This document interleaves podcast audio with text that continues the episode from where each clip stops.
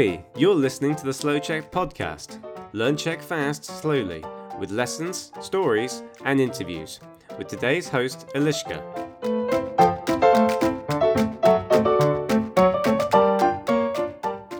Je důležité se učit gramatiku? Ano i ne. Ahoj, tady Eliška. Dneska budu mluvit o gramatice. O české gramatice, když se ty jako cizinec učíš česky.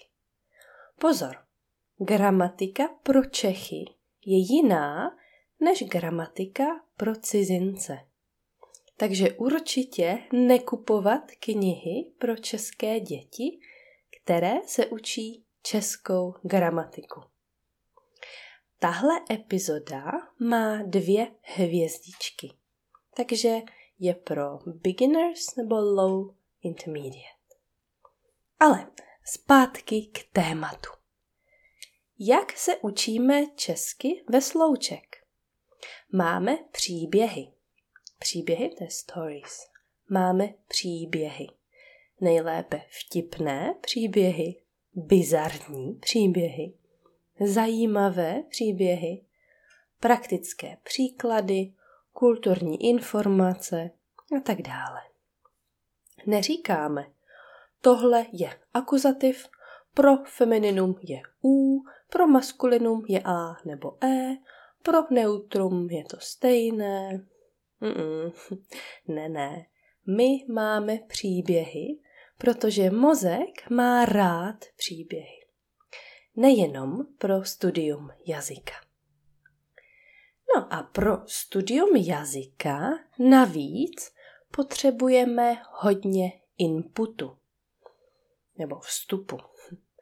To ale neznamená poslouchat rádio a televizi, i když nic nerozumím. Pro studium jazyka potřebuju takzvaný comprehensible input. To znamená češtinu, které rozumím, češtinu, která je na mé úrovni, tedy na mém levelu, je, je na mé úrovni a potřebuju ideálně češtinu, která je pro mě zajímavá. No a hm, někdo říká, že můžeme jenom konzumovat comprehensible input. Půl hodiny denně, dva měsíce v kuse.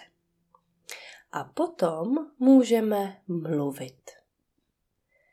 Někdo říká, že takto se učí děti a že je to efektivní. Já souhlasím. Potřebujeme hodně comprehensible inputu. Potřebujeme hodně konzumovat češtinu na naší úrovni, na našem levelu. Ale jsme dospělí a už umíme jeden nebo víc jazyků. Známe strukturu svého rodného jazyka a známe strukturu francouzštiny, angličtiny, španělštiny, arabštiny, a když se budeme učit strukturu češtiny, bude naše učení rychlejší. Nebude rychlé, ale bude rychlejší. Budeme rychlejší a efektivnější. Chceš příklad? Tady je. Teď ti řeknu tři věty. A potom dvě možné varianty, jak se ty věty učit. Každá varianta pracuje s těmi větami jinak.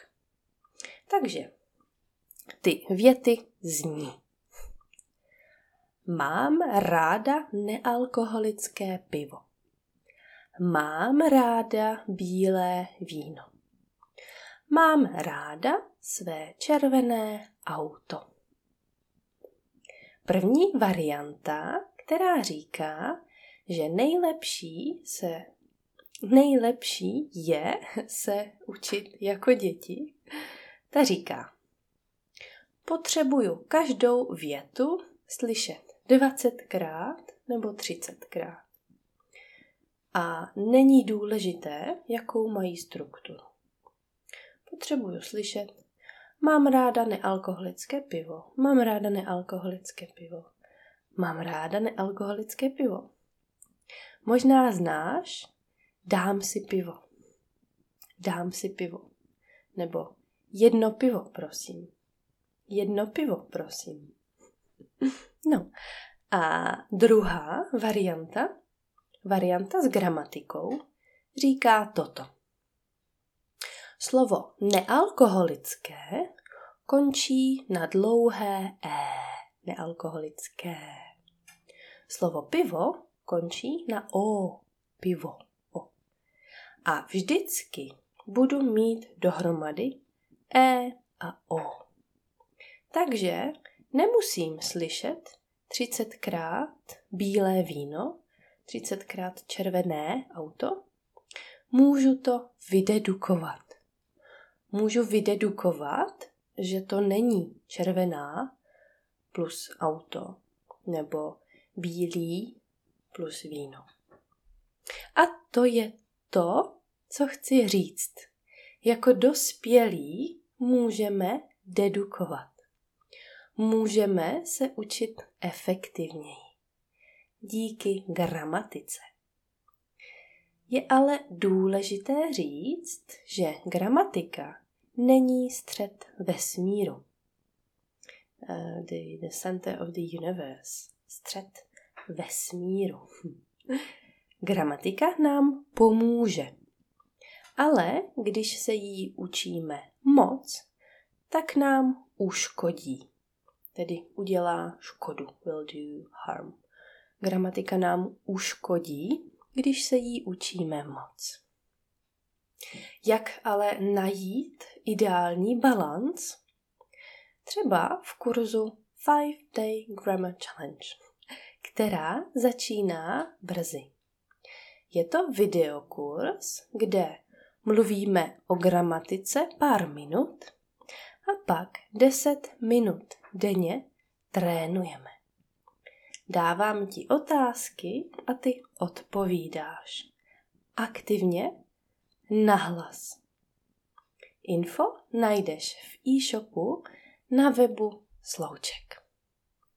No a teď už chci jen říct, napiš mi do komentáře, co si myslíš o české gramatice. Co je pro tebe největší problém? Učíš se gramatiku nebo ji ignoruješ? Hm? Měj se hezky, uč se česky a čau. Thanks for listening to our podcast with Lishka today. Go to slowcheck.com to get more of our great content and check us out on YouTube, Facebook, and Instagram. Ciao!